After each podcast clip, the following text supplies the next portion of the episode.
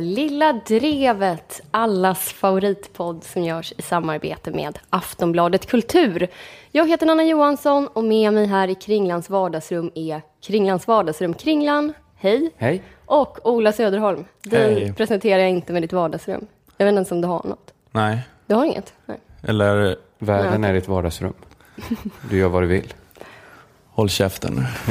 Längtan till Europa. Två tomma fickor. Mm, Eh. en kappsäck full med drömmar. Just det. Idag är det ju jag som är eh, vad vi internt brukar kalla för eh, programledare. Eller förkortningen PL, som det lite tufft heter i vår Facebook-chatt. Eh, tjejer kan ju faktiskt också vara programledare nu för tiden. Visa dem bara. Tjejer kan vara precis vad som helst. Eh, Det har man i alla fall kunnat läsa i en bokserie som fått en del uppmärksamhet på sistone. Barbie-bokserien I can be. Där får Barbie, karaktären Barbie, testa på en massa olika yrken för att, eh, antar jag, inspirera barn att våga satsa på dem. Eh, Den sortens barn som inte förstår att de kan bli någonting förrän de läste i en Barbie-bok. En av de här böckerna har blivit Men lite... är, är det dockan Barbie som Dockan kan bli Barbie, precis. vad som helst? precis. Ja. Fast det här är liksom en tecknad, en tecknad bok om En henne. tecknad docka som kan bli vad som helst. Ja. Ja. En av de här böckerna har blivit lite extra uppmärksammad och det är Barbie-boken I can be a computer engineer. En bok där Barbie alltså testar på yrket datoringenjör. Så här går det till eh, på riktigt när Barbie som datoringenjör ska bygga ett datorprogram. Hon kallar in sina vänner Steven och Brian och låter dem bygga det. Slut. Hon gör lite som när lilla drevet får dataproblem. Precis. Två killar får lösa det. Just det. Men eh, berättelsen tog, tog faktiskt inte slut där. Eh, för sen får Barbie tydligen också ett virus på sin dator. Och då, då kallar hon in Steven och Brian som får ta bort det. Ah, Så, där tog det slut. Eh, och lite så tänker jag att jag ska tackla det här med att vara programledare idag. Jag har redan börjat lite, frågat dig, Ola Steven och dig, Kringlan Brian, hur man pratar i en mikrofon. Eh, jag visade ju att man kunde sänka det här puffskyddet så att du Just ser det. oss. Just det. Jag mansplainade dig sönder och samman där. Ja. Jag, ja, det var taskigt av mig såklart. Men eh, programledare är jag ju. Ja, så det är du. tjejer kan. Har du läst den här Barbie-boken? Jag har läst en artikel som visar sidor ur den. Mm. De har också dragit in den boken nu. För att den innehöll sådana lögner. Men av liksom, kritik av att eh, den framställde det som att Barbie inte alls kan bli ingenjör. Just det. Okej. Ja, jag skojar också, det verkar ju jättedumt. Ja. Eh, Det är inte så svårt, det är bara det att vissa tjejer i, i den här redaktionen inte velat lära sig ett jätteenkelt program bara. Men det kan ju tjejer göra. Jag har lärt mig det klippprogrammet. Ja, just det. Du, du kan ju datorer. Jag kan ju datorer. Säger inte den här redaktionen någonting om hur starka de här könsrollerna är? För att, eh, att jag och Kringlan är de två killarna som i kategorin killar är sämst på jorden på att vara teknisk support. Att vi gör bort oss hela tiden på den fronten också, men det är ändå helt självklart att ansvaret faller på oss. Det är lite fascinerande. Eller så är Nanna och Liv kanske också de två sämsta tjejerna. Så kan det Jag är vara. helt okej. Du är bara lat kanske. Jag är bara låt. Det kanske. Men om den boken kanske skulle vara mer rättvis om det var så här. Barbie kunde mycket väl ta bort det här viruset själv, men orka göra det. Eh, Steven, Kevin, jag fattar ingenting nu. Nu blir det helt svart. kan det vara så? Om man bara gjort en liten omskrivning av boken så har den träffat sanningen. Det är inte det att inte kunna, det är klart att jag kan, men det är också att jag kan en annan sak och det är att jag kan få killar att göra saker åt mig. Ja, det Att jag har den som- förmågan. Det låter ju som den Barbie jag lärt känna.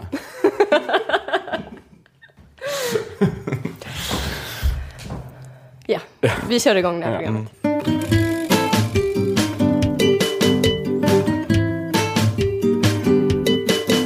Hörni, eh, ni vet vetenskap. Det är ju bara ett sätt att betrakta världen, att förhålla sig till världen. Vissa kanske tror på Big Bang.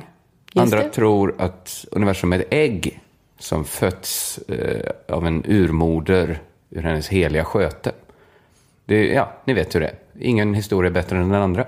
Vissa tror på gravitation, andra tror att stenar kanske har en inneboende stenig egenskap som gör att de vill vara på marken. Och det är därför de hamnar där För att de är så himla, himla tunga. Jätte, jättetunga. Det är också det är en jättebra förklaring. Inga rätt, inga fel. Antingen är det vetenskap eller någon annan paranormal förklaring. eller hur? Du menar att de normala och de onormala förklaringarna är lika bra? Jag tycker det i alla fall.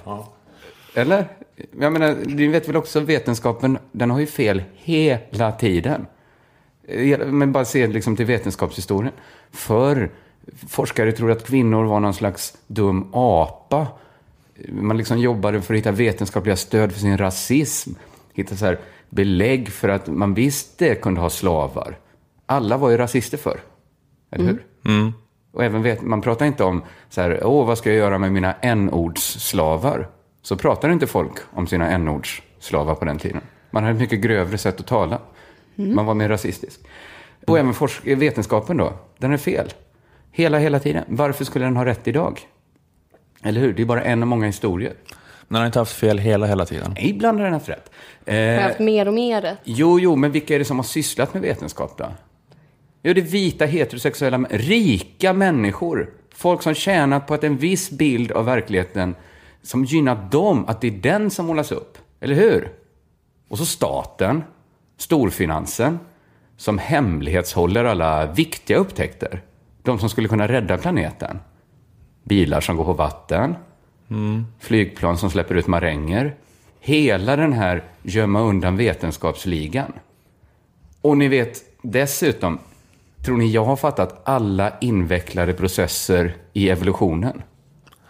Nej. Nej, men jag litar på en dum bok som någon har skrivit. Va? Jag är väl inte bättre än någon annan som bara litar på det som står i en bok? Vetenskap är bara en av många berättelser. Är ni med på det? Ja, ja men jag fortsätt. Med detta sagt så tycker jag ändå, liksom ni var inne och tassade på, att det funnits mycket bra med vetenskapen. Till exempel det att det verkar stämma. Att min telefon funkar för att vetenskapen bakom den funkar. Just det. Om det kommer någon och säger att den funkar för att elens gudinna blåst liv i den, så tänker jag ändå, nej men, den här uppfinningen kan väl vetenskapen få cred för? Så tänker jag då. Ja, men jag tänker liksom att vetenskapen har varit tillräckligt bra, att det är nog bra för att man ska kunna, om man då måste välja, att man håller vetenskap lite högre än annan sorts skap. Fast det gör nog de flesta. Ja, men till exempel trollkunskap, då håller man vetenskap lite hög, även om det är två jättebra berättelser om hur verkligheten är konstituerad. Men så du menar att du är tacksam över den koloniala utsugningen av tredje världen som Nej, möjliggjort industriella nej, revolutionen nej, och den tekniska utvecklingen i den här delen av världen? Jag, jag är tacksam för att, ja, men jag tycker ändå jag måste välja. Så tar jag hellre vetenskapen än en eh, mångtusenårig gud. Som kan förklara allting exakt lika bra kanske. Men, men jag tycker vetenskapen är mer för mig. Inte fulländad, men tillräckligt bra för att vi väl väljer vetenskapen. Ja, Ja. jag bara sitter och försöker gissa vad du är på väg med det här. Nej, men jag tänker att så här tänker väl alla människor. Jag kanske talar till kören, känner jag. Jag talar väl till de redan invigda. Men jag känner på mig att du kommer lämna kören. Ja, för jag kom, insåg det nu, att det finns de som hellre tror och gissar, till exempel vår regering. Eller hur? När det kommer till GMO, genmodifierade grödor och sånt. Upplys oss. Ja, men GMO, det är Står det någonting... för genmodifierade grödor och sånt? Ja, Genmodifierad och o och jag antar att det står sånt. för organismer, det här sista ordet på något sätt. Jag vet inte. Det kunde jag ju kollat upp nu när jag skulle vara så stursk med mina Ja. spaningar. Ni vet vad GMO Lilla, är. lilla professorn Det handlar var inte om- lika kaxig plötsligt. Genmodifierade grödor och växter och kanske... Har du läst en, eh, en artikel om det här eller har du pratat med någon som har läst en artikel om det? Inget av det, Nanna. Inget av det. Jag läst runt lite. Det verkar toppen med GMO. Det är sånt som kan liksom förhindra svältkatastrofer. Det kan förbereda oss för den här nya världen som ska komma, när vi är dubbelt så många. När vi äter sådana här insekter. Vi kanske protein. slipper det. Vi kanske slipper det. Vi kan ju äta grödor som blir dubbelt så stora istället. Tänk, dubbelt så stora äpplen. Hela familjen delar på ett. Men om man är sugen på något riktigt så proteinigt. Dubbelt så stor kossa. Dubbelt så stor. Skalbaggar. Ja, men du kan säkert få äta skalbagge också om det är viktigt för dig. Men det är inte det den här diskussionen har kommit. Nej, men det, det är klart, det, det finns ju Du får många... äta skalbaggar nu. Du behöver Ja. liksom inte vänta på den här Det är, framtidsutopin. det är ett Jag pyttelitet... vill att det ska vara okej att göra. Men det är ett socialt stigma mer än eh, en juridisk fråga, tror jag. Det- Skitsamma. Eh, GMO. Förhindra världssvält. Se till så vi klarar den här omställningen då till att vara dubbelt så många. Eh, kanske sänka matpris. Ingen vet vad det här bär i sitt sköte. Och om det då står mellan ett argument som vetenskapen har att komma med och ett argument som en galen häxa har att komma med. Vem, vem är, vem är Nej, men nu tog jag med generellt här. Om man har, vi talar ju om att ställa två berättelser mot varandra. Så har vi ju kommit fram till Jag tycker att inte att vi säger så om Åsa Romson. Då går vi ju på vetenskapens linje. Vi brukar, det kom vi väl lite fram till. Det har i alla fall varit den svenska traditionen. Ja. Eh, och nyligen var det omröstning i EU om vilka länder som vill ge klartecken till tre genmodifierade produkter. Eh, det var lite bomull och lite raps och sådana grejer. Och eftersom folk ska slita, slippa sitta och gissa så rekommenderar EUs organ EFSA en vetenskaplig linje.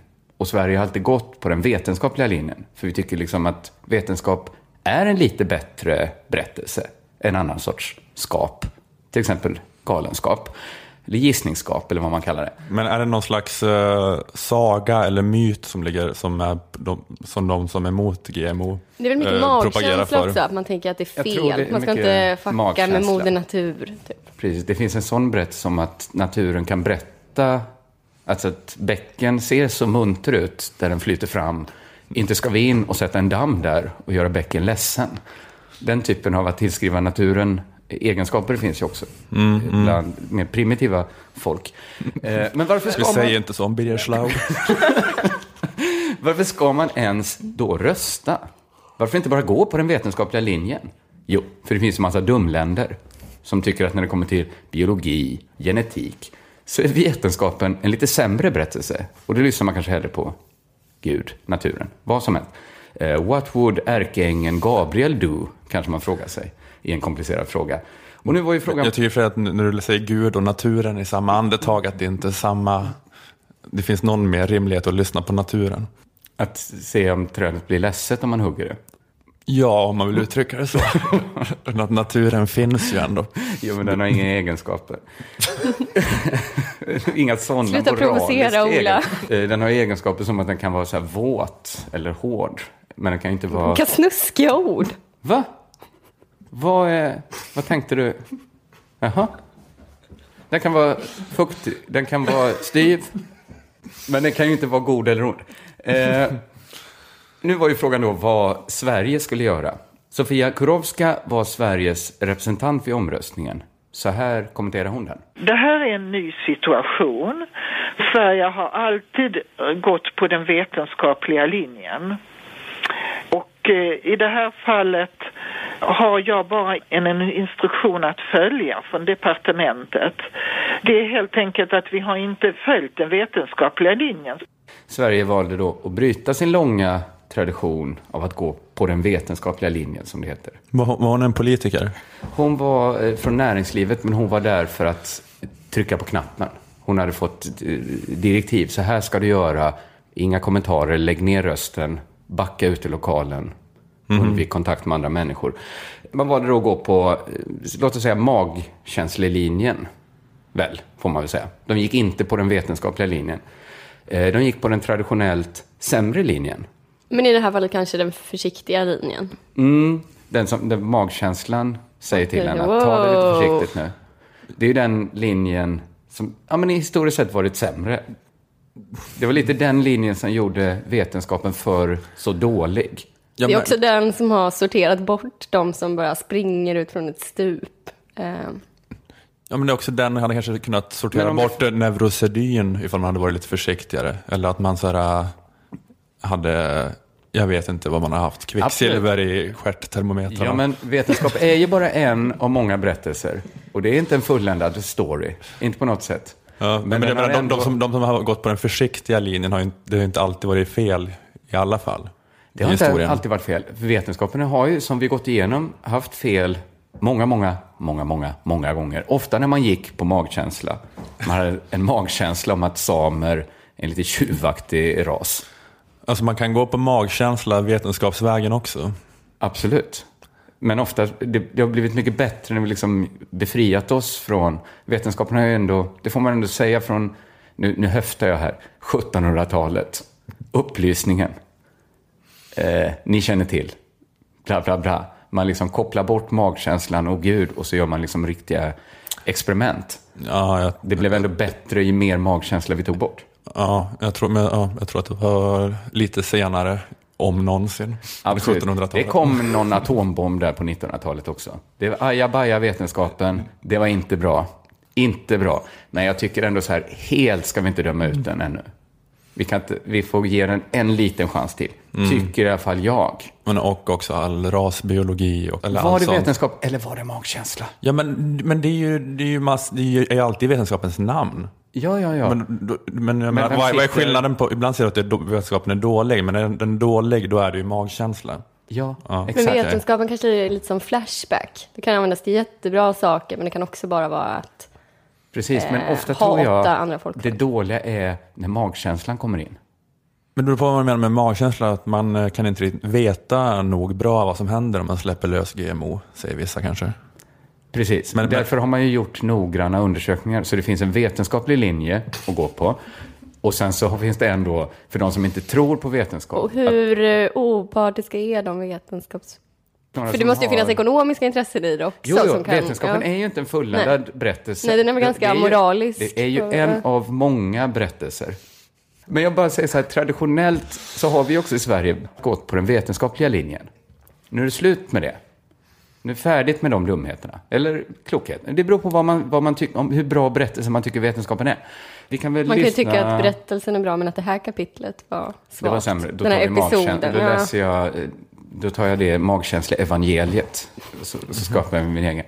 Eh, vi kan lyssna på vad de ansvariga ministrarna har att säga. Ekot har pratat med miljödepartementet och landsbygdsdepartementet och sökt de ansvariga ministrarna Åsa Romson och Sven-Erik Bucht. Men ingen av dem vill ställa upp på en intervju. Nej, de vill inte kommentera det här. Och det är väl klokt, eller? För vad skulle de säga? Vi har tagit del av vetenskapens syn på saken, men valt att gå på magkänslan i den här frågan. Tack för den kommentaren, Åsa Romson. Du verkar inte alls galen. Det låter som en sak svenska politiker skulle säga rakt ut i offentligheten. Nej, men det gör det väl inte? Ändå är det ju den här bilden svenska politiker nu sänder ut av sig själva. Nu tillhör vi ett av de dumma länderna. Som ett sånt där katolskt land där ingen, eh, inga rapporter om kondomanvändning når fram, för de gillar inte vetenskap så mycket. Eller så får vi rätt i efterhand, eh, när vi kanske inte går runt med så här, en stor eh, utväxt i form av ett ansikte på kinden. eller så var vi fel och så svälter folk ihjäl. Det, det vet vi inte. Det fanns ju vetenskapens linje och det fanns magkänslelinjen. Men det är ju först historien som kommer visa vad som var magkänsla och vad som var vetenskap. Precis. Men nu satte vi oss med de dumma. De, Ja, ja, men- ja, du vet redan. Man, Nej, du, nej, säga att man vet säkert att, Nej, nej. att här, om 50 år kommer den linjen också vara vetenskapen. Åsa Romsons var magkänslan. Att vi tyckte ju att vetenskapens linje är den li- eller vetenskapen var den lite bättre berättelsen än berättelsen om magkänsla. Ja, du menar att man, om man ska chansa på en så ska Ja. man alltid chansa på vetenskap. Och ibland så blir det kanske, leder då till- det till att man sätter samer i koncentrationsläger. Ibland gör det det. Men det är då olycksfall Jag skulle i säga arbetet. att eh, oddsen är bättre. Oftare blir det rätt. Jag tror det. Ibland blir det fel. Samerna hade oftare hamnat i koncentrationsläger om vi hade gått på magkänsla hela tiden. Ja, och så slipper man eh, sitta med de dumma läng- äh, länderna längst bak i klassrummet.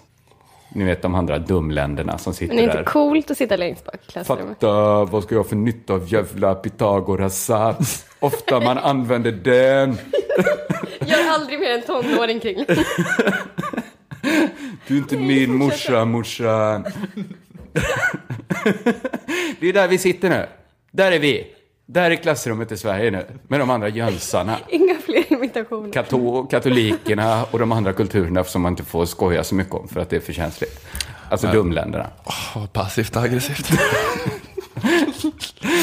Tack för det, Miljöpartiet. Tack. Tack för den obs-klassen du satte oss i. Jacka på. Jag tar inte av mig min jacka bara för du säger det. Vadå, det är varmt. Det vet väl jag om det är varmt.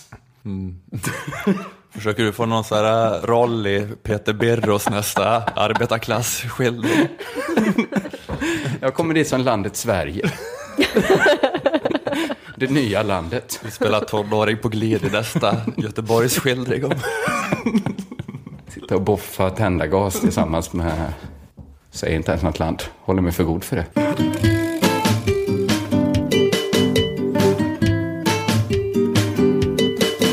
Vet ni eh, vad det är för likhet mellan en riktigt, riktigt jobbig förkylning eh, och att vara med i Akademikernas a-kassa? Kuggfråga, det finns inga likheter. Oj, ja. Det ena är jättedåligt och det andra är jättebra. Eh, här är lite info om Akademikernas a-kassa. Akademikernas passar dig som är akademiker eller som studerar och har som mål att ha minst 180 högskolepoäng. Medlemskapet kostar 90 kronor i månaden och det innebär trygghet för all framtid. Eh, Du behöver aldrig byta a-kassa, även om du skulle byta yrke eller bransch. Om du redan är medlem i en a-kassa och vill byta till Akademikernas så kan de hjälpa dig med det bytet om du skulle vilja det. Härligt gäng, Akademikernas a-kassa. Just det, och man måste ju inte byta för det. Det är ju inte liksom dealen vi har med dem. Att Nej, vi ska nej. dra in så mycket pengar. Det är ju inte någon vinstdrivande organisation. Nej, precis. Det är om man tänker att det passar bättre. Precis, så att passar någon annan a-kassa bättre, gå med i den. Men är man, ja, Ni kan det. jag Eh, och om ni inte kan det så kan ni läsa mer på aea.se. Akademikernas.se funkar också. Mm, det är det nya. Om man Jag tycker det är har lättare att komma ihåg. senaste info från den senaste broschyren. Ja, okej. Ja, men kör båda. Kör. Ja, jag brukar starta upp två webbläsare och så skriver jag in båda adresserna för att säkert komma fram. Eh, och som sagt, har ni gått med i a-kassan och den här podden får ni gärna berätta om det under hashtag lilla drevet i sociala medier.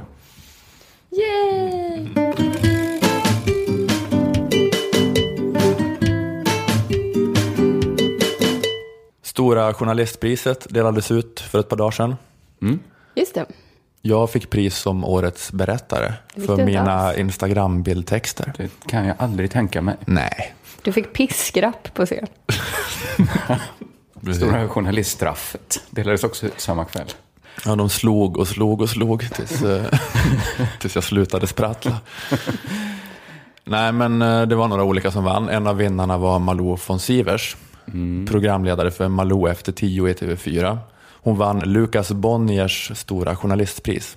Jaha. Det priset är instiftat för att främja långvarig och fortgående journalistisk yrkesprestation.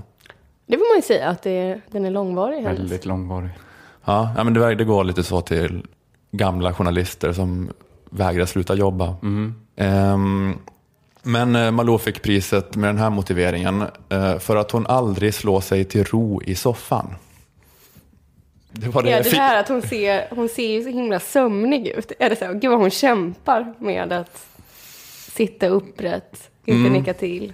Ja, det har jag inte tänkt på. Kanske. Ja, det, det kan vara en rimlig förklaring. Så här, klipp sönder fickorna och sitter och sliter av könshår för att hålla sig vaken. Va? Jag har hört att det är tips. Om man håller på att somna kan man göra så. Jag tror inte ja, Malou... men det, Man ska bara ha bara gjort det liksom i decennier så ska man ha ett hederspris tycker jag. jag helt bara, helt rödflammig där nere. Av att Suttit och gjort det år efter år. Så ska man fan ha ett Malous hederspris. könshår. Ja, men hon, eh, ja, för att hon aldrig slår sig till ro i soffan, det var det, var det finaste juryn kunde säga om hennes livsverk. I motiveringarna till eh, priserna i de andra kategorierna kunde man läsa ord som eh, lysande och genial. Men det man kunde säga om Malou är att hon slår sig inte till ro.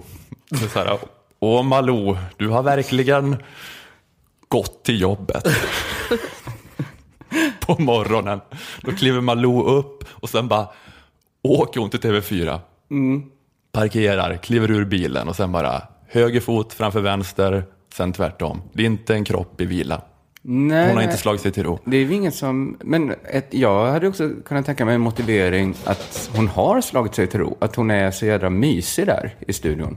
Att det skulle kunna vara en fördel. Att hon är lite lugn och lite sitter ner. och har slagit sig till ro. Eh, Men det, hon fick det priset för att hon inte... Ja, jag vet inte. Hon på får, det får stå för dig där med myset. Ja. Men, ja, men, jo, men, så här, men Malou fick det här priset. Sen eh, kom backlashen. Mhm. Hon utsattes eh, för det här som händer här precis nu. Raljerande från mediamän. Just det. Det kom tydligen hånfulla kommentarer på sociala medier. Eh, hånfulla kommentarer om att det då var knasigt att ge priset till Malou von Sivers, att, ja, att hon inte förtjänade ett pris. Ungefär, tror jag att hån gick ut på. Jag har inte läst dem så, så himla mycket Lukas själv. skulle ha vridit sig i sin grav. Sen kom backlashen på backlashen. De här nedriga det. Då börjar alla Twitter-kommentarerna. älska Malou svinmycket.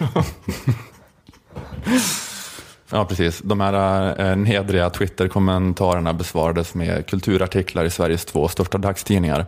Eh, Natalia Kazmierska skrev i Aftonbladet och Åsa Bäckman i Dagens Nyheter. Eh, artiklar som gick ut på att Malou von Sivers alltid utsatts för osakliga hån genom hela sin karriär. Eh, citat, inte ens när Malou von Sivers fick det erkännande hon förtjänar kunde belackarna låta bli, skriver Kazmierska till exempel. Och Niklas Strömstedt skrev på Twitter, alla ni som lägger upp Malou von Sivers hederspris på raljansens altare, ta en titt i spegeln Oj, och bidrag. fråga er vad ni själva har åstadkommit. Prosa. Ja, verk, ja, hårda ord. Får man titta sig själv i spegeln och ställa sig frågan, har jag slagit mig till ro i soffan? Knappast. Nej, då är det bara att köra.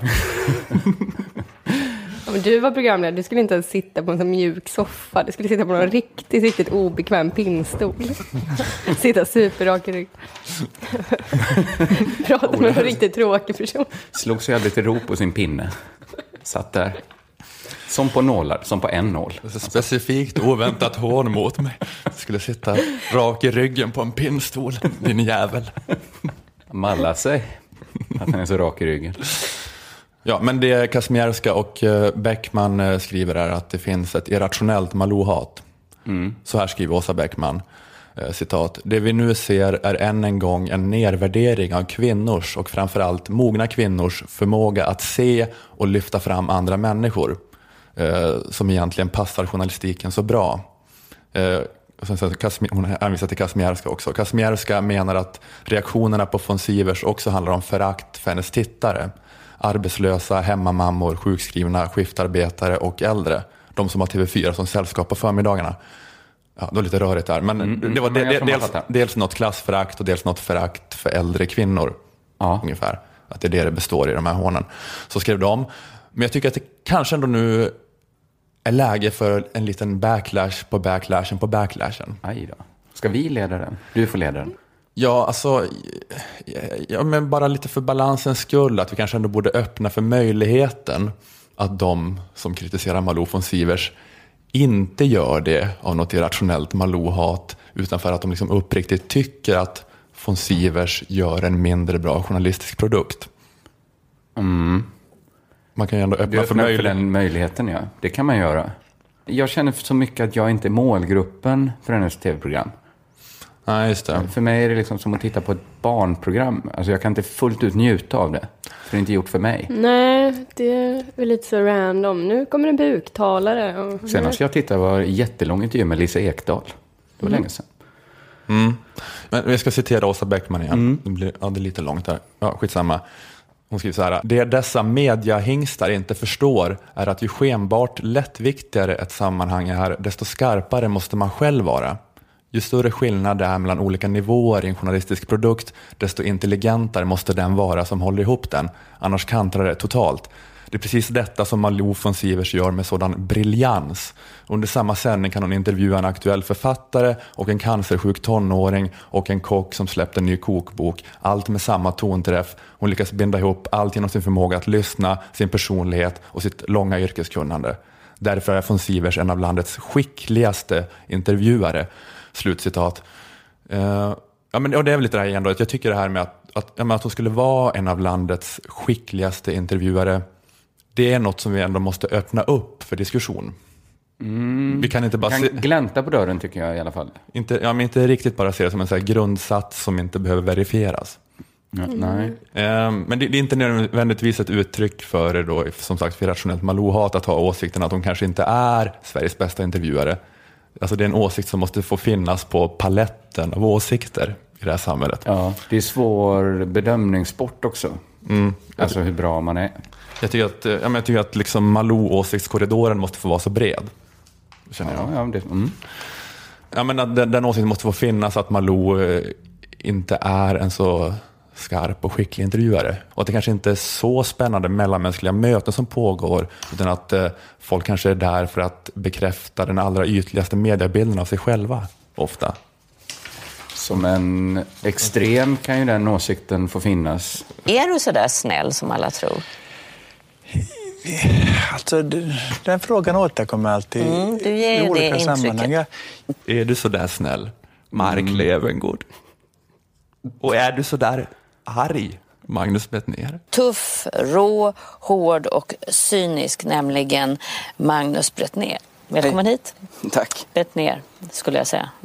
Det är inte så noga. Det är inte så noga. Nej. Du ser ju snäll ut. Jag är snäll. Men du har valt en jädrigt tuff stil på scenen. Nej, tycker jag inte. Tycker du inte? Nej. Men du har valt en stil trots allt. Nej, valt och valt. Man är väl som man är liksom. Jag har haft en känsla att det här är ganska vanligt i Malou. Att eh, hon har bestämt att vi ska köra på den mest uppenbara ytliga vinkeln. Och i det ingår också att hon har bestämt vad gästen ska svara på alla frågor. Så när den inte gör det blir det något så här märkligt stångande som bara pågår. Men du, hur påverkas man själv eh, i sin personlighet när man är så cynisk och, och rå liksom, i sin, sina Jag, skämt? jag, jag tycker inte att jag är varken På scenen. cynisk Men det är eller ju liksom ditt arbetsredskap är ju att vrida saker ordentligt. Ja, fast jag tycker inte att det är rått. Jag tycker att det är... Ja, jag, jag ser mig inte som varken rå eller cynisk. Det här är Men du mer måste ju rättvist vrida än, eh, till saker ordentligt för att det ska få någon effekt. Annars blir Jo. det ju inte ett inlägg i debatten. Jo, det kan det väl bli ändå. Men jag, jag, vet- jag vet inte. Jag håller bara inte med om bilden att jag ska Nej. vara rå och cynisk. Ja, men förstår vad jag menar? Att Jag det, förstår. Jag tycker inte Bettner gör det jättelätt för Malou heller. Han är en klurig intervjuperson. Där, där piggnar hon nog till. Det åkte ögonlocken upp. Tur att hon inte slappnat av där. Ja, just det. Inte slagit sig till ro i soffan. Ja, precis. Men, eh, men att det blir lite så här då att eh, hon är inte riktigt öppen då för att Magnus Bettner ska ha nyanser i sin personlighet. Mm. Kan man få en känsla av. Nej, fast det är ju också en intervju. Eller han får väl också bjuda till lite. Att man bara ska köra en karikatyr på sig själv. Ehm, Liv var väl med i hennes program och fick lite konstiga frågor. ja, precis. Liv som gör den här podden med gästade en gång. eh, Tillsammans med en annan kvinnlig serietecknare. Och då var det den här då bestämda vinkeln. Tjejer. Här kommer, här kommer tjejerna. Eh, och att de skulle diskutera sig själva liksom, i relation till Martin Kellerman. Eh, och att hans serier handlar om det här, men ni tjejer ritar serier om det här. Vad beror det Ryan Reynolds here from Mint Mobile. With the price of just about everything going up during inflation, we thought we'd bring our prices down. So to help us, we brought in a reverse auctioneer, which is apparently a thing. Mint Mobile unlimited premium wireless. Ready to get 30, 30, bit to get 30, bit to get 20, 20, 20, bit to get 20, 20, bit to get 15, 15, 15, 15 just 15 bucks a month. So, Give it a try at mintmobile.com slash switch. $45 upfront for three months plus taxes and fees. Promo rate for new customers for limited time. Unlimited more than 40 gigabytes per month. Slows. Full terms at mintmobile.com. på?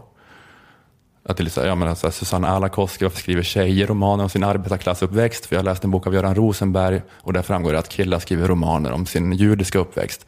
Varför tror du att den här skillnaden mellan killar och tjejer finns? Och på paletten av åsikter så måste åsikten att en sån här vinkel är lite efterbliven få finnas.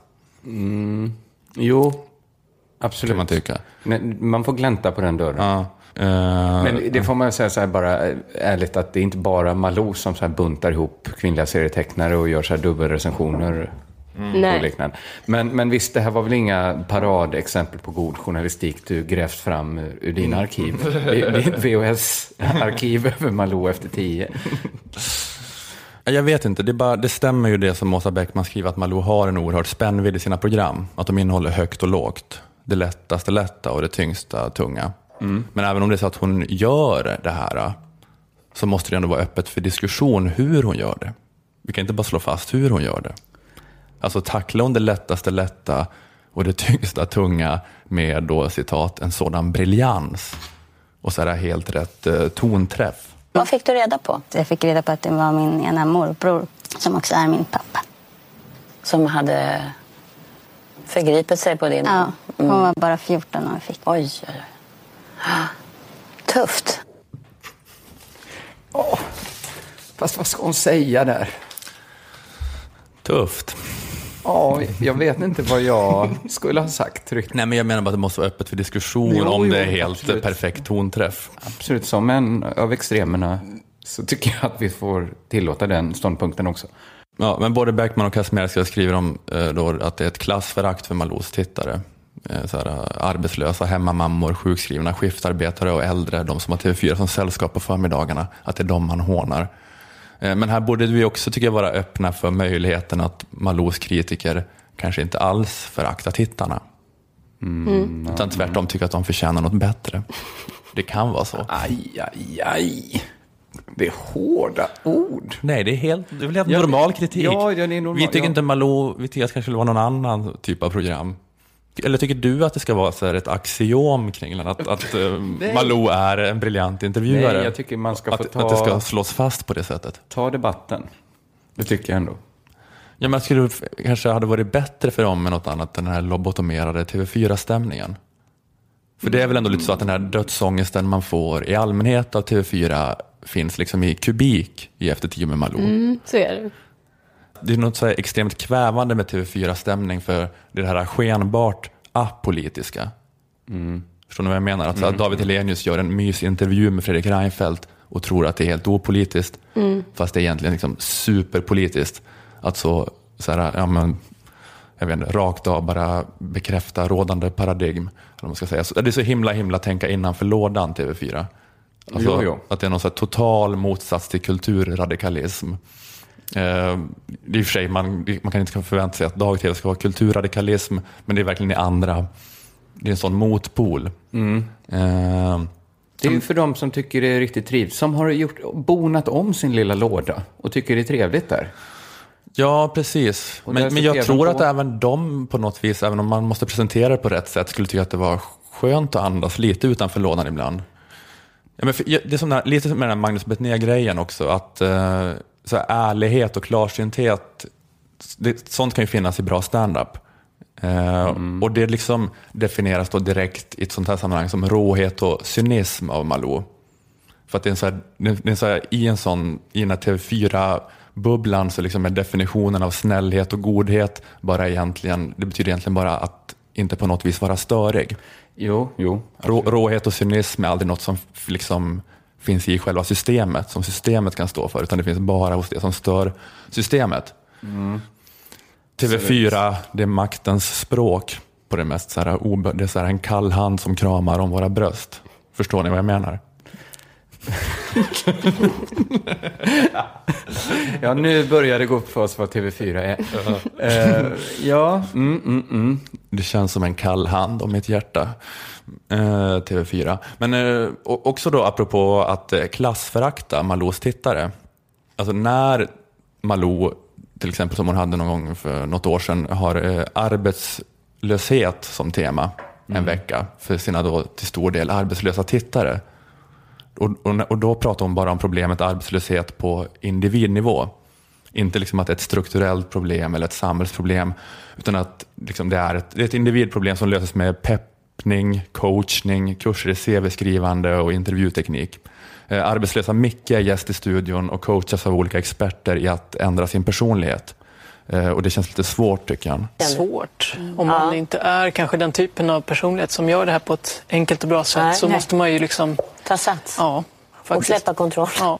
Men då har du ju bra hjälp här, både Alexandra och Nina. Ja, men det, här- Ja, det, sånt där tycker jag är fullkomligt vidrigt. Ja, men det, här, det handlar om att Micke är en kontrollperson och det kommer inte naturligt för honom att ringa runt till företag som inte annonserat om jobb, att fråga om de har jobb. Men om man klarar av att gå över den här sociala spärren så kanske problemet med, med skenande arbetslöshet i EU försvinner. Eh, och, jag eh, tror mest Malou ville lösa hans. Men ja. Jo, men det, det är ju ändå det som hon, ta, det är så hon tacklar gentemot sina tittare. Sådär, att när problemet arbetslöshet behandlas så här, alltså, vem är det då egentligen som klassföraktar tittarna mest av Malous kritiker och Malou? Att den frågan måste ju också kunna vara uppe för diskussion, Ja, som jag jo. brukar säga. Precis, du får glänta på den dörren. Men vi får se, det kommer in någon frisk luft. Man kan återigen lite grann få den här känslan av att det är det här äh, att tro sig att vara opolitisk eh, när man behandlar arbetslöshet på det här viset. Det här är ju det, det apolitiska sättet de har kommit på att behandla det. Fast det är ju liksom helt genompolitiskt egentligen det man då gör. För det är så totalt i linje med marknadsliberala paradigmet. Och så, att, att vi löser det genom att alla rycker upp sig lite, blir lite Mm. go-getters. Ja, vart är jag på väg med allt det här egentligen? Ja. Men jag, jag, menar, jag, jag, förstår så här, Kazmierska och Beckman att på något vis kändes det lite så dramaturgiskt rätt med den här backlash på backlashen. Att jag, fastslå jag att det. Bara Malou, du läste citaten nu så kände jag, jag är på deras sida. Malou är ändå en legend, eller hur? legend och ett tv-geni. Ja, så kan det ju vara, men jag känner att vi, vi kan inte bara fastslå det rakt av. Nej, vi nej, måste nej. ändå hålla debatten och kritiken öppen ett litet tag till.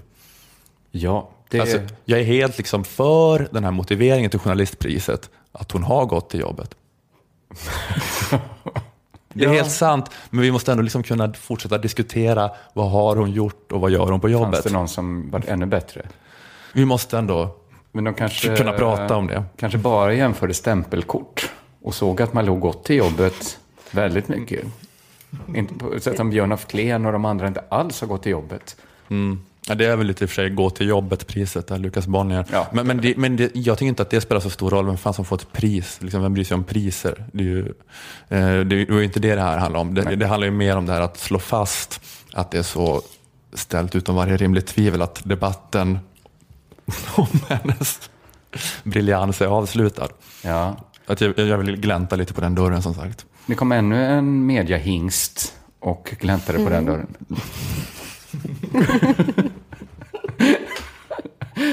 Älskar när du kallar mig mediahingst. mm.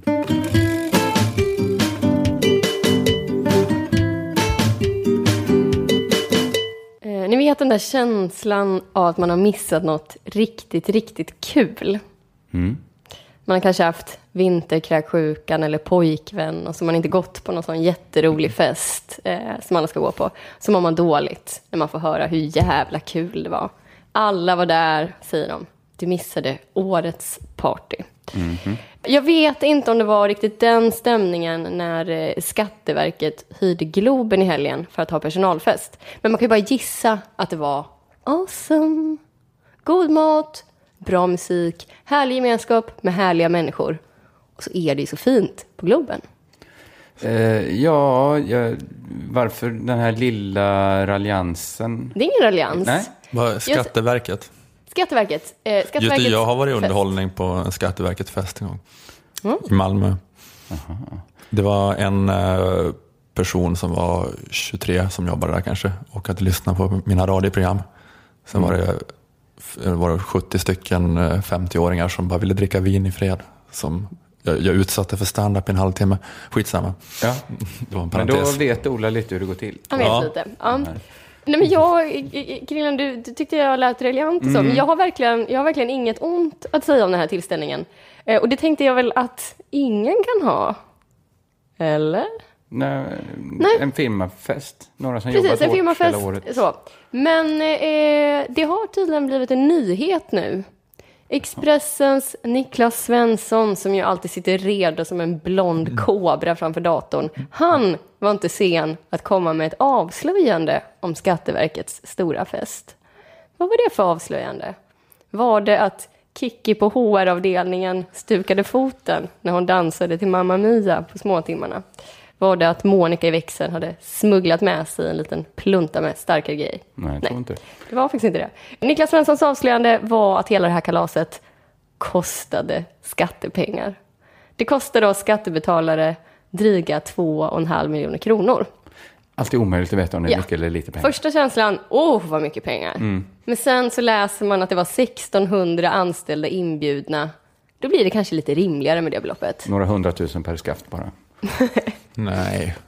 Hur du räknar Jag gjorde snabbt överslag. Ja, du, du är inte bra på det. Eh, Men det blir också rimligt med tanke på att, att de har en kanske lite, lite exklusiv fest med tanke på att de bara har fest vart tredje år. Inte precis hela tiden som man lätt kan tro om man läser till exempel signaturen Jonas på Twitter. Jonas. De har som jobb att stjäla pengar från andra, sen super de upp pengarna bedrövligt. Det var min, det var min eh, Jonas. Det var inte Fängelsehålan i Robin Hood-filmerna. eh, det hade kanske varit en bra spaning om de hade supit upp skattepengar oftare än var tredje år. Men de har ju superlånga vita perioder. Ja. Jag har också räknat ut att om man delar kostnaden för den här festen eh, på alla personer i Sverige så blir det i runda slängar 27 öre per person. Ja, 27 öre, det är praktiskt taget ingenting. Nej 27-öresmynten finns ju inte ens längre. Nej. Eh, så jag tycker vi kan unna dem den lilla, lilla slanten. Man luras lite att tro att det här med att Skatteverket har en fest är en riktig nyhet. För det har så många beståndsdelar som en riktig nyhet har. Mm. Till exempel statlig myndighet plus eh, utsvävande levande. Eh, men det är ju ingen riktig nyhet. Det är ingen skandal att ha en personalfest. Inte ens om man är den som tar en del av Niklas Svenssons lön varje månad. Skatteverkschefen Jan Heder, han som ville ha festen, han kommer aldrig bli den sviniga playboy som Expressen vill göra honom till. Det är en helt vanlig kille. En vanlig kille med ett svintråkigt jobb. Mm. Men för det var absolut ingen särskilt dyr fest här. Nej, de hade, följt, de hade följt alla regler och eh, allt var helt till punkt och pricka. Men eh, hörni, eh, det enda Expressen har här, det är ju en rubrik som känns lite störande någonstans i maggropen. Alltså rubriken Skatteverket festade för 2,5 miljoner kronor. Mm. Det, Det är ju låter det som det är fyra gubbar. Det låter inte fyra gubbar som har the time of their life. Det låter liksom som att det är så här, flyger in strippor från något land jättelångt Nej, borta. Fyra gubbar hyr i Globen och spelar innebandy. Eh, ja, men det är bara liksom att spela på något sånt gammalt så skattmasehat som jag kan känna är lite, lite unket. Mm. Det är lite så i, i Ian Wachtmeisters glansdagar. Så hade det kanske varit eh, Ja, fräschare. Jag vet inte. Precis. Jag kanske också är lite, lite färgad av att jag, jag älskar Skatteverket. Jag tycker det är den absolut trevligaste myndigheten.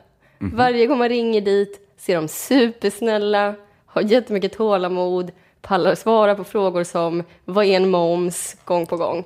Eh, jag får liksom hålla mig för att inte okynnesringa till Skatteverket och bara småsnacka hela dagen. Oj. Jag tycker på riktigt jätte- jättemycket om Ja, Skatteverket. okej. Eh, för att de, det är så jävla bra service. Eh, och det, jag har faktiskt ingen avslutning på det här. Jag ville bara att vi skulle liksom känna den här underbara känslan av eh, kärlek och unn. Ja, men kan Att vi unnar räknenissarna lite, att det lite var- glamour. Att det var hoppas, roligt. hoppas det var en rolig fest. Hoppas de hyrde in han roliga trollkarlen, han John Howdy. Ja, just det. Ja, men det är ett säkert kort. Ja, det är det verkligen. Han är liksom Om man inte hund- trollar bort det kortet.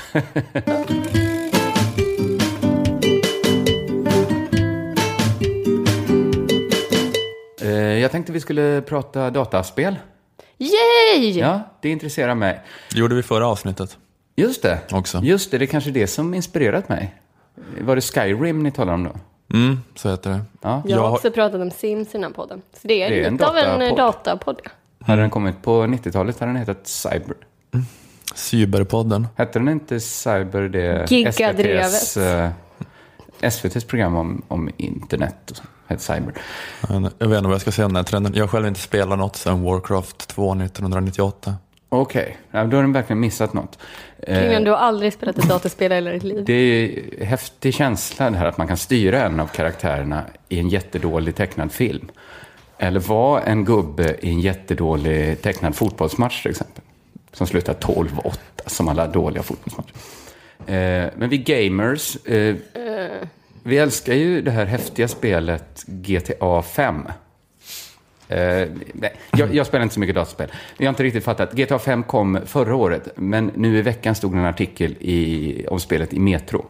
Eh, som summerar en diskussion som varit om succéspelet GTA 5. Eh, känner ni till spelet? Mm.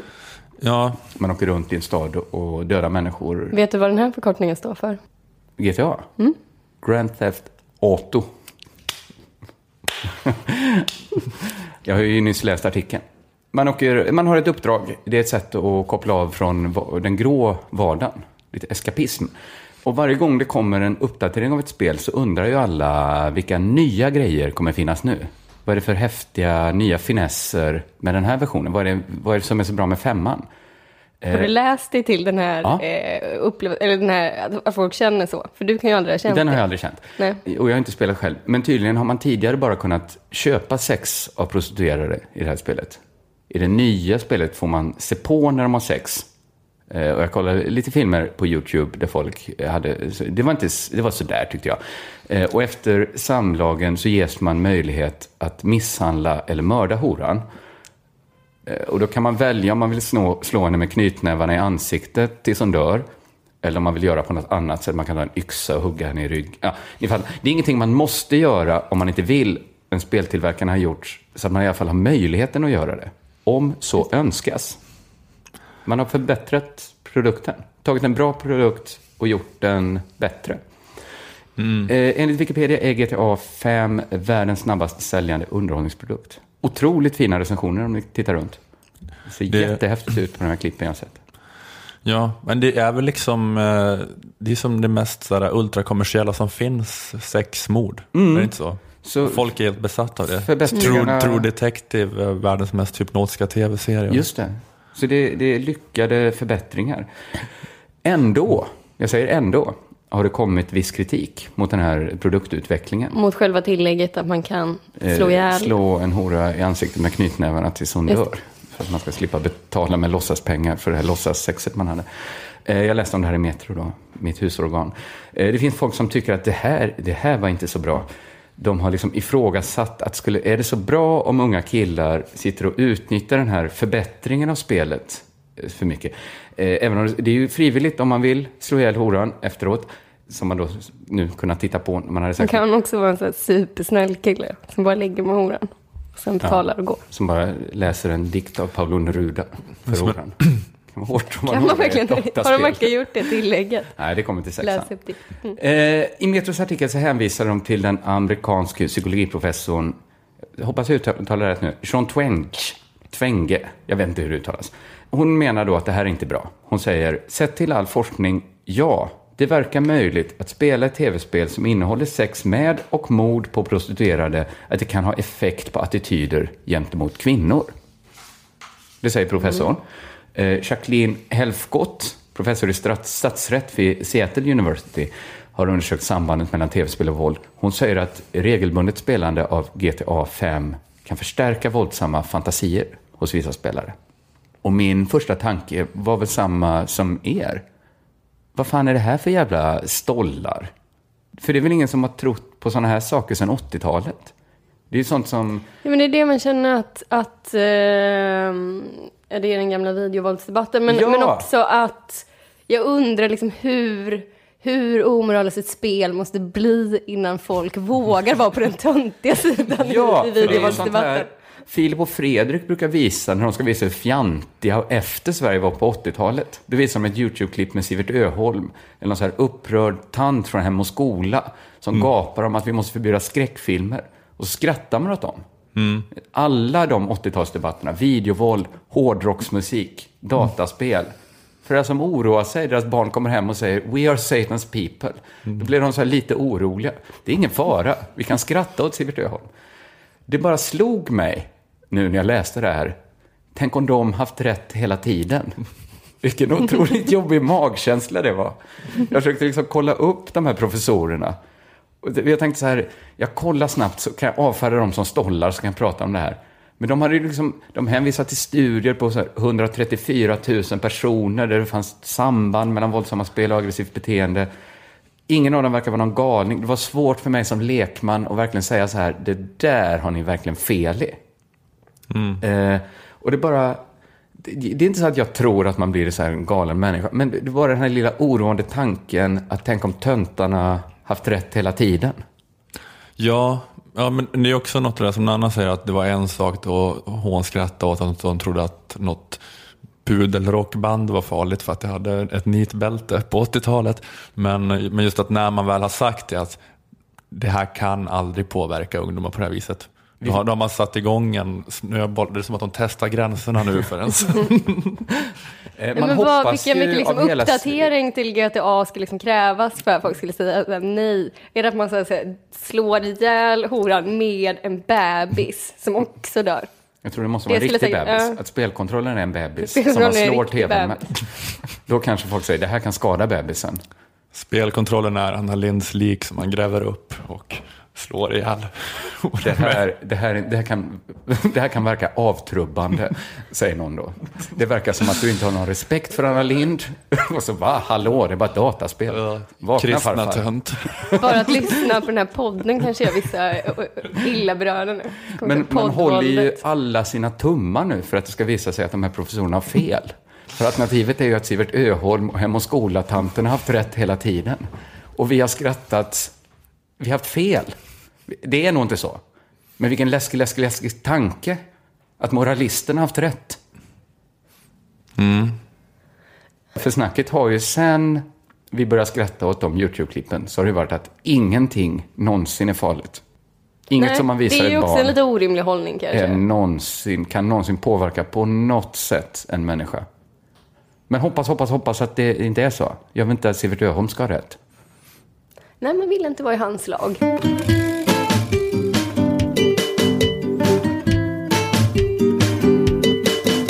Jag tänkte spela ett eh, klipp för er. Miljöpartister hatar när människor far med flyg. De snackar om affärsresor som ett manligt djävulstyg. Trots att flyget är för kvinnorna minst en lika bra affär. Vill de gröna stoppa Bromma? För ingen djävul ska få flyga här. Rädda Bromma! Rädda Bromma! Rädda Bromma! Rädda Bromma! Fan vad det diggas här i Nu börjar, nu vardagsrummet. börjar jag också, ja, nu vill jag också kritisera vithetsnormen. Om det är det här det leder fram till. Det var eh, Rädda Bromma, stoppa Romson. Med eh, MUF Stockholm 2014. De är ju härliga provokatörer, det får man säga. Ja, Jag tycker det är kul när man gör någonting kreativt av sin kritik och inte bara nöj, man eh, gör något mer än att bara gnälla. Man gör en sång. Ja, men det brukar ju sägas sådär att det är mer känslor i politiken från vänster. För att vänstern drömmer om en annan värld.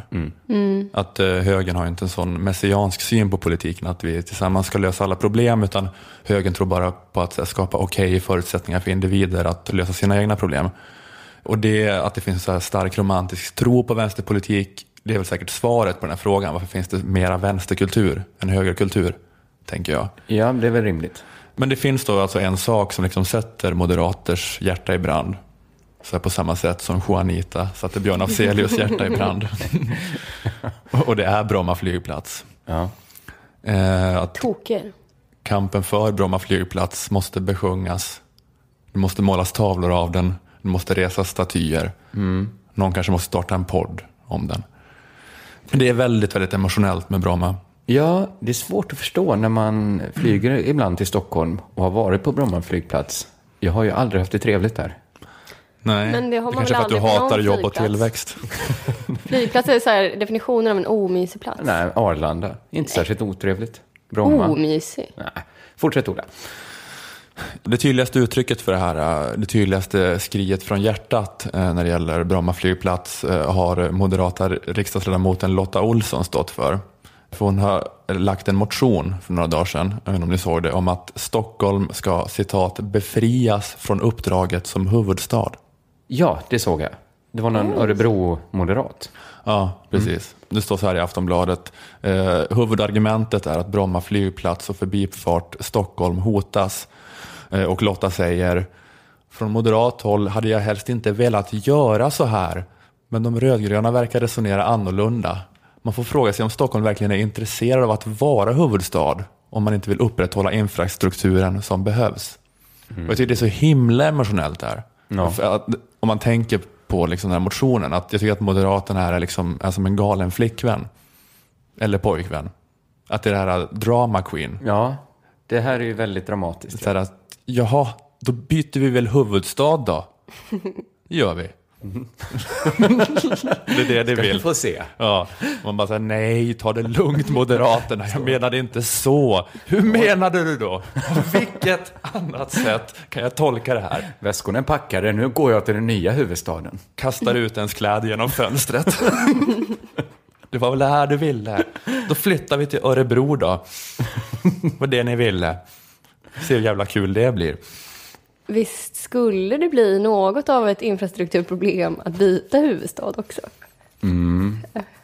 Va, va, va, jag vet inte riktigt vad som krävs för att en ny stad ska få kalla sig huvudstad.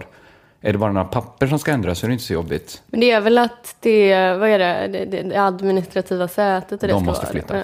Mm. Det är väldigt mycket myndigheter och grejer som ska Myndigheter, alla flyttas. som jobbar De får flytta, där. ja. Det är lite flyttande. Mycket flytt, Ja. mycket logistik. Men jag tror det är mindre jobb än man tror. Det tror inte jag. Ja, men det är nog mera, precis, det är nog mer utav eh, ett problem att komma runt än den här eh, minskningen i flygtrafiken. Att det blir högre Mm. belastning på Arlanda än Just det. på Bromma. Att, att Bromma inte avlastar lika mycket längre. Förmodligen kan man ju tänka sig. Men, eh, men det är väl just det som är grejen, att det här är ett sånt att hon, som, hon skriver ju bara här som en provokation, den här motionen. Det är ju bara en ren så här, att det är ju helt, ett helt omöjligt galet förslag. Men det är bara för att Men varför är det ingen som vågar chicken racea mot henne? Och rösta igenom Det den? kunde vara en rolig blåsning. Ja. Att alla låtsas som att hon har fått igenom sitt förslag. Hon står där. Vad har jag gjort? Nu kommer vi hem till dig då. Flyttar allting hem till dig. Mm, då gör vi det. Då, blir, då flyttar vi stock, flyttar vi byter Det vågar ni aldrig! Kommer vi? Och kaffet. Eskil Erlandsson är törstig. Jag vill ha bullar. Sen det var så roligt. Försörja Eskil med bullar. Mm, ja, precis. Ja, men det borde bli en sån stand-off som Kubakrisen där som de bara drar ut på. Just det, att, att de stora lastbilarna närmar sig Örebro. Inte över den gränsen, då flyttar ni hit på riktigt. Ja, ja. Då har ni flyttat in. Då är ni örebroare. Vill vi bli också. Bra, för det vill jag med. Det vill jag med. Vill, vill, ni vill det? Vi, har, vi ser till att det finns plats för alla. Ja. Jättebra. Då blev det som alla ville. Åh, vad jag är glad att det blev så här.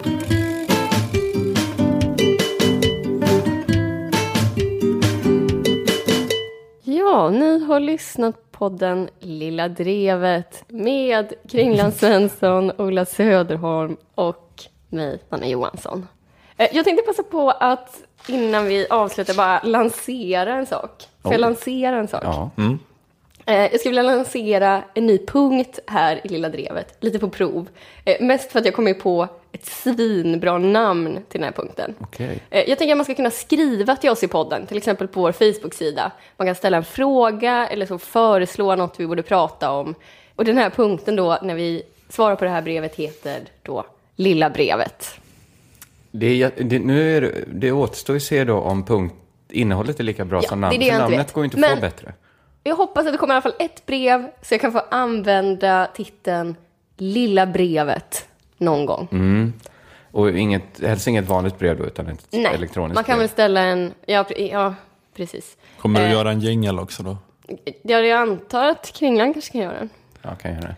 För att det är du som är det musikaliska Jag har ju lyckats en gång, sen blev det stort hat när jag försökte en gång till. Det är väldigt lätt att sjunga samma text i den gamla melodin. Lilla brevet. Ja, jag kan göra det. Eller så kan du få göra det live varje gång. Det kanske blir mysigt. Kanske blir det allra enklast. Eh, Ja, men har ni något som ni vill att vi ska prata om? Eller har ni någon fråga om, inte vet jag, politik? Vad som helst. Så eh, skriv till oss på Facebook eller Twitter eller någonting. Och så kan vi läsa upp det i Lilla brevet. Ja, det var en ganska bra idé tyckte jag. Mm. Älskar namnet. För all del.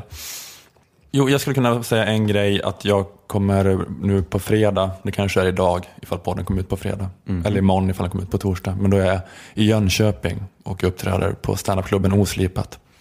Så att kom dit alla i södra Sverige. Det kan bli hur kul som helst ju. Ja, oslipat.com finns det info om biljetter och sånt. Tufft!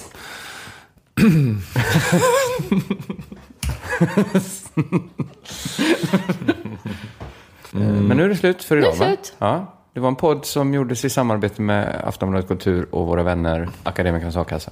Hej då. Hej då. Hashtag Lilla Drevet.